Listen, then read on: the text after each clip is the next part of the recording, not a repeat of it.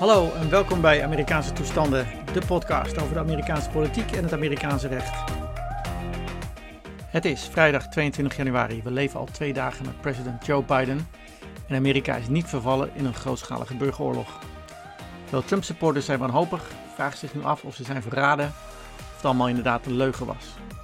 Maar ondertussen was de Amerikaanse media op een andere planeet en president Biden de hemel in en trapte Trump nog flink even de grond in met allerlei superlatieven.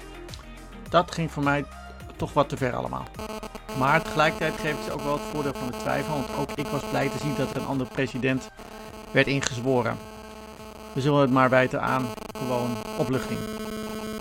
In deze podcast uh, vier dingen. De speech van Biden, nog even over impeachment, hoe de macht nu wordt verdeeld in de Senaat en wat andere juridische zaken die bij het begin van uh, de Biden administration aan de hand zijn. De speech van Biden. Ik heb een andere analyse dan wat ik allemaal in de media heb gelezen en vooral heb gehoord bij programma's zoals Op 1. Um, waarin ze zeiden dat de speech eigenlijk een stortvloed was aan clichés. Dat is waar. En dat er eigenlijk niks nieuws was. Dat het een, geen bijzondere was, geen inspirerende was en eigenlijk een, een speech was als geen ander. Ik ben het daar niet mee eens. Inderdaad, het was verpakt in en omringd met een stortvloed aan gebruikelijke clichés, maar Biden trok een duidelijke grens die hij al eerder had getrokken na de mars van de neonazies in Charlottesville en uh, in de reactie van Trump uh, daarop. Biden heeft het uh, expliciet over een toename in political extremism, white supremacy, domestic terrorism. Allemaal gebeurtenissen die, en allemaal stromingen die de afgelopen vier jaar natuurlijk veel naar boven zijn gekomen. Hij noemt het expliciet. Wat hij ook expliciet zei, en wat dus ook opvallend was, was heel met duidelijke woorden, echte Biden-woorden. Gewoon simpel. We face an attack on democracy and truth. Ook in de context natuurlijk van de gebeurtenissen van 6 januari stelde Biden dat er sprake was van een aanval op de democratie. En ik eerlijk gezegd denk ik ook dat hij bedoelt uh, de afgelopen vier jaar. En we een aanval op de waarheid, wat natuurlijk ook al langer gaande is uh, dan alleen maar deze afgelopen weken en maanden. Daarnaast is er nog iets wat, uh, wat vond ik nog het meest opvallend. Um, dat hij ook expliciet erkende dat het Amerikaanse ideaal ver staat van de werkelijkheid. Our history has been a constant struggle between the American ideal that we are all created equal and the harsh, ugly reality that racism, nativism, fear and demonization have long torn us apart. Met andere woorden, de Amerikaanse geschiedenis is een constante struggle constante worsteling tussen het Amerikaanse ideaal, dat we allemaal gelijk zijn, aan de ene kant, en aan de andere kant de, de, de harde, de lelijke realiteit dat uh, racisme, nativisme, angst en de demonisering uh, Amerika altijd uiteengedreven heeft. Nou, um, het was nogal een, een confronterende speech in dat, maar het glipte denk ik, uh, ja, um, tussen alle, alle clichés door en ontsnapte inderdaad aan de aandacht van allerlei commentatoren. Maar mocht ik het uh, verkeerd hebben, hè, mochten er historici zijn die alle uh, inaugural speeches er nu bij gaan halen en zeggen van kijk, hier was het ook erg. Ik denk zelfs dat Lincoln het misschien uh, ook met dergelijke woorden heeft gezegd. Maar dat ga ik dan misschien nog even opzoeken. Maar goed, het was wat mij opviel en wat ik ook toen bij Radio 1 heb gezegd. In tijdens de speciale verkiezing, of sorry, de speciale um, inauguratie-uitzending van afgelopen woensdag. Impeachment. Um, impeachment gaat door. Uh, ik heb al gezien uh, dat sommigen zeggen dat uh, de, het hele senaatsproces misschien niet doorgaat. Hè. Het Huis van Afgevaardigden heeft Trump al impeached, als het ware aangeklaagd. En nu moet er, volgens de grondwet, een senaatsproces volgen. Hè, dus het, het gaat zo en zo door. Hoe lang het gaat duren, hoe lang het proces, proces gaat duren, gaan geruchten van drie dagen. Uh, weten we nog niet. En wanneer het precies gaat beginnen, weten we ook niet. Want de meerderheidsleider Mitch McConnell, oh sorry, de minderheidsleider van de Republikeinen in de Senaat inmiddels, Mitch McConnell heeft gezegd dat het tot februari zou moeten worden uitgesteld, zodat de advocaten van uh, Donald Trump zich kunnen voorbereiden. Advocaten die hij eindelijk weer heeft gevonden, want bijna niemand wilde hem meer gaan verdedigen. En de diepere vraag die nu nog altijd boven de markt uh, blijft hangen en die misschien een kleine uh, kink in de kabel kan zijn, is de vraag um, of je nog wel een senaatproces kan houden als de aangeklaagde al uit het ambt is uh, verdwenen. Donald Trump is voormalig president, kan hij nog wel veroordeeld worden en kan hij nog wel via een senaatproces worden gedisqualificeerd voor enig uh, toekomstig politiek ambt. Want dat is het uiteindelijke doel van uh, met name de Democraten. Maar ik gok ook wel, van een flink deel van de Republikeinen in het congres. Maar dat zullen ze niet zo snel hardop zeggen. Het is een vraag die open staat, waar heel veel uh, staatsrechtgeleerden zich nu over buigen, waar de, um, de meningen flink over verdeeld zijn. Uh, maar ik denk in ieder geval dat het wel kan. Al is het alleen maar omdat het impeachmentproces in het Huis van Afgevaardigden is begonnen toen Trump nog president was. En um, de Senaat vervolgens uh, verplicht is om een proces te voeren. Wat eigenlijk dus denk ik los staat van um, of uh, Trump nog in office is of niet. Een ander punt in de Senaat is de machtsverdeling tussen de Democraten en de Republikeinen. Want er is nu een 50-50 verdeling van de zetels in de Senaat met uh, vice-president Kamala Harris als de tiebreaker. Um, en dus de Democraten feitelijk een meerderheid geeft. Maar het is natuurlijk een flinterdunne meerderheid. Ondertussen moet natuurlijk wel de macht worden verdeeld. Want het is een 50-50 situatie in bijvoorbeeld in de commissies, waar weliswaar de Democraten nu uh, de voorzittershamers gaan overnemen. Maar toch, uh, het blijft een, een hele moeilijke situatie. Wat boven de markt hangt en waar uh, Mitch McConnell graag mee wil, wil schermen de komende jaren en dus ook wil behouden, is de filibuster. De filibuster is de mogelijkheid om um, voor één senator om uh, het debat eigenlijk te smoren door gewoon door te praten tot hij of zij niet meer kan. Het hele debat dus gewoon op te houden. Nou, um, we hebben allemaal misschien wel gezien, in ieder geval de Amerika-liefhebbers gezien, de, de, de film Mr. Smith Goes to Washington, waarin uh, onze held gespeeld door James Stewart, ook nog uh, ook een uh, filibuster doet en er uh, inderdaad op een gegeven moment bij, bij neervalt, omdat hij zoveel uur staat te praten. De Senaat heeft al op een gegeven moment wel besloten, door de regels te veranderen, dat er wel een einde moet kunnen komen aan de filibuster. Door middel van een cloture motion. Een cloture motion wordt aangenomen, um, of werd aangenomen met een tweederde meerderheid, en daarmee zou het debat worden beëindigd rondom een wetsvoorstel. Die tweederde meerderheid is vervolgens volgens mij in de jaren 70 nog eens veranderd naar een drie vijfde meerderheid. Met andere woorden, met 60 stemmen uh, voor kan een cloture motion worden aangenomen.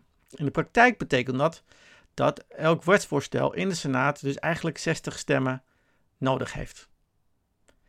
De afgelopen, even kijken, 10 jaar is die filibuster al heel veel besproken ook aangepast, want er is bijvoorbeeld nu geen filibuster meer uh, uh, mogelijk voor uh, benoemingen van rechters. Met uitzondering van het Hoge Rechtshof, alhoewel de Republikeinen ook die regel op een gegeven moment hebben afgeschaft. Zelfs voor een, um, een Supreme Court Just, voor een, voor een rechter bij het Hoge Rechtshof, is er geen filibuster meer mogelijk en kan dus een, uh, een nominatie van een hoge rechter met een gewone meerderheid, 50 plus 1, worden aangenomen. En de vraag is nu, gaan de democraten nu inderdaad die filibuster voor alles nu misschien afschaffen? Kan, want het argument zou zijn, een kleine minderheid, of een minderheid in ieder geval, uh, kan uh, de meerderheid gijzelen en eigenlijk het hele politieke besluitvormingsproces, het, proces, het wetgevingsproces tegenhouden. Er zijn nog andere juridische zaken ook.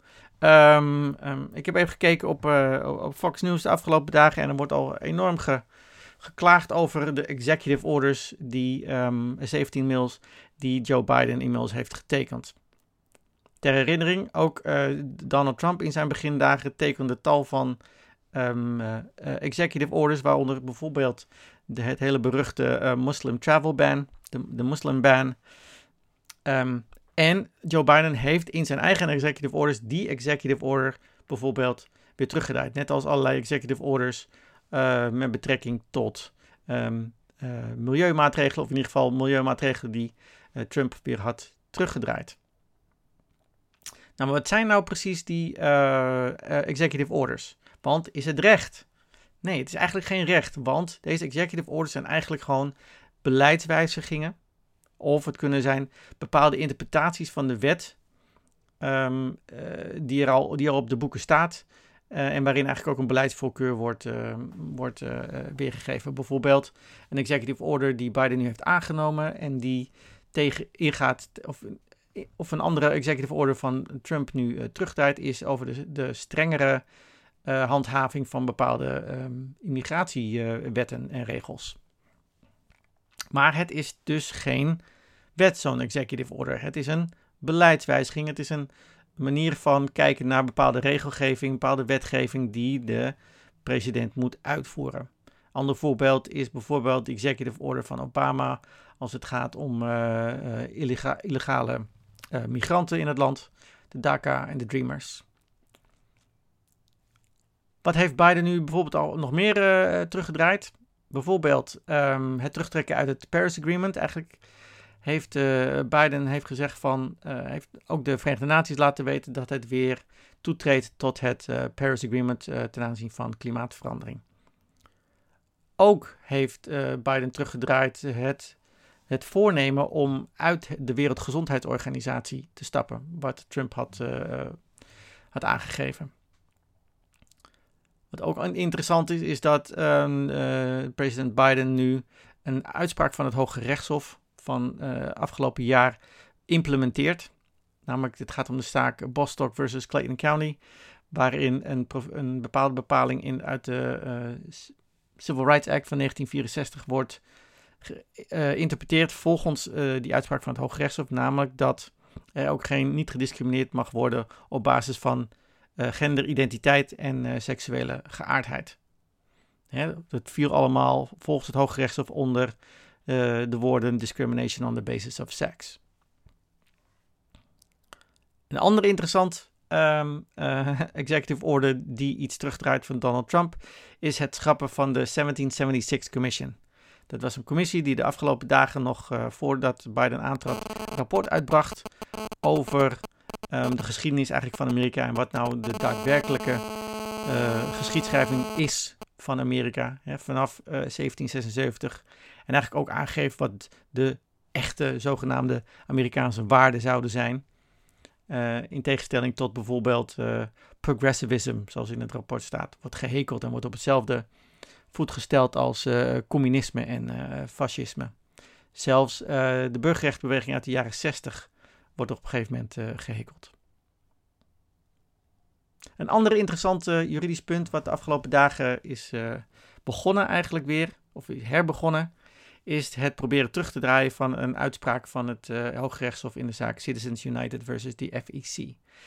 Uh, Citizens United staat nu synoniem voor een overvloed aan geld in verkiezingscampagnes. Wil je tegenwoordig president worden, zou je toch echt wel minstens 1 miljard dollar mee moeten nemen om een campagne uh, te voeren en te winnen. Nou, die Citizens United uitspraak heeft uh, dat allemaal mogelijk gemaakt door eigenlijk gezegd dat ook bedrijven, als het ware, mee mogen doen aan het verkiezingscircus door ook reclames te maken. Niet alleen maar doneren aan kandidaten, maar ook reclames maken, eigenstandig eigen, en ook uh, zich uitspreken over welke kandidaat zij steunen. Nou, wat kan je nou doen? Wat kan je nou doen om dat corrumperende effect van al dat geld door, van bedrijven en hele rijke mensen uh, tegen te gaan. Nou, op het Hooggerechtshof hoef je waarschijnlijk niet te rekenen um, met zo'n uh, 6-3 conservatieve meerderheid. Die first, uh, freedom of speech, First Amendment, hoog in het vaandel heeft staan. Hè, want uh, Citizens United was gebaseerd op het vrijheid van meningsuiting van bedrijven. Want bedrijven zijn net mensen volgens het Hooggerechtshof. En dus hebben dus ook het recht op vrijheid van meningsuiting. Gisteren, de dag na de inauguratie, heeft um, de afgevaardigde Jamie Raskin een amendement um, voorgesteld. Een amendement, amendement bij de grondwet. Om, uh, dit, uh, om de Citizens United uitspraak eigenlijk terug te draaien. En een grondwetwijziging is natuurlijk wel een heel ingewikkeld proces. Want alle staten moeten er op een gegeven moment uh, mee akkoord gaan. Um, maar het geeft aan waar de pijnpunten in ieder geval bij de Democraten zitten en die het onwenselijk vinden dat zoveel bedrijven zoveel rijke mensen zoveel invloed hebben op het publieke discours. En ik zie dat wel zitten. Moeten we ook in Nederland niet hebben als het zoveel geld in omloop is. Goed, dat was een uh, behoorlijke rant. Um, mocht ik iets vergeten hebben, heb je nog vragen en suggesties voor een volgende aflevering? Laat het me weten. Tot zover. Heb je wat gehad aan deze aflevering van Amerikaanse toestanden? Laat dan een review achter op iTunes, zodat ook anderen de podcast snel kunnen vinden. Wil je het Amerikaanse circus blijven volgen, maar misschien niet 24/7? Abonneer je dan op deze podcast via iTunes, Spotify of waar je dan ook luistert. Of schrijf je in voor de nieuwsbrief via Amerikaanse-toestanden.nl. Mocht je naast het abonneren al deze content verder willen steunen, aanmoedigen, dan kan je zelfs een donatie doen. Ook via Amerikaanse-toestanden.nl. Nogmaals dank voor het luisteren en tot de volgende aflevering van Amerikaanse toestanden.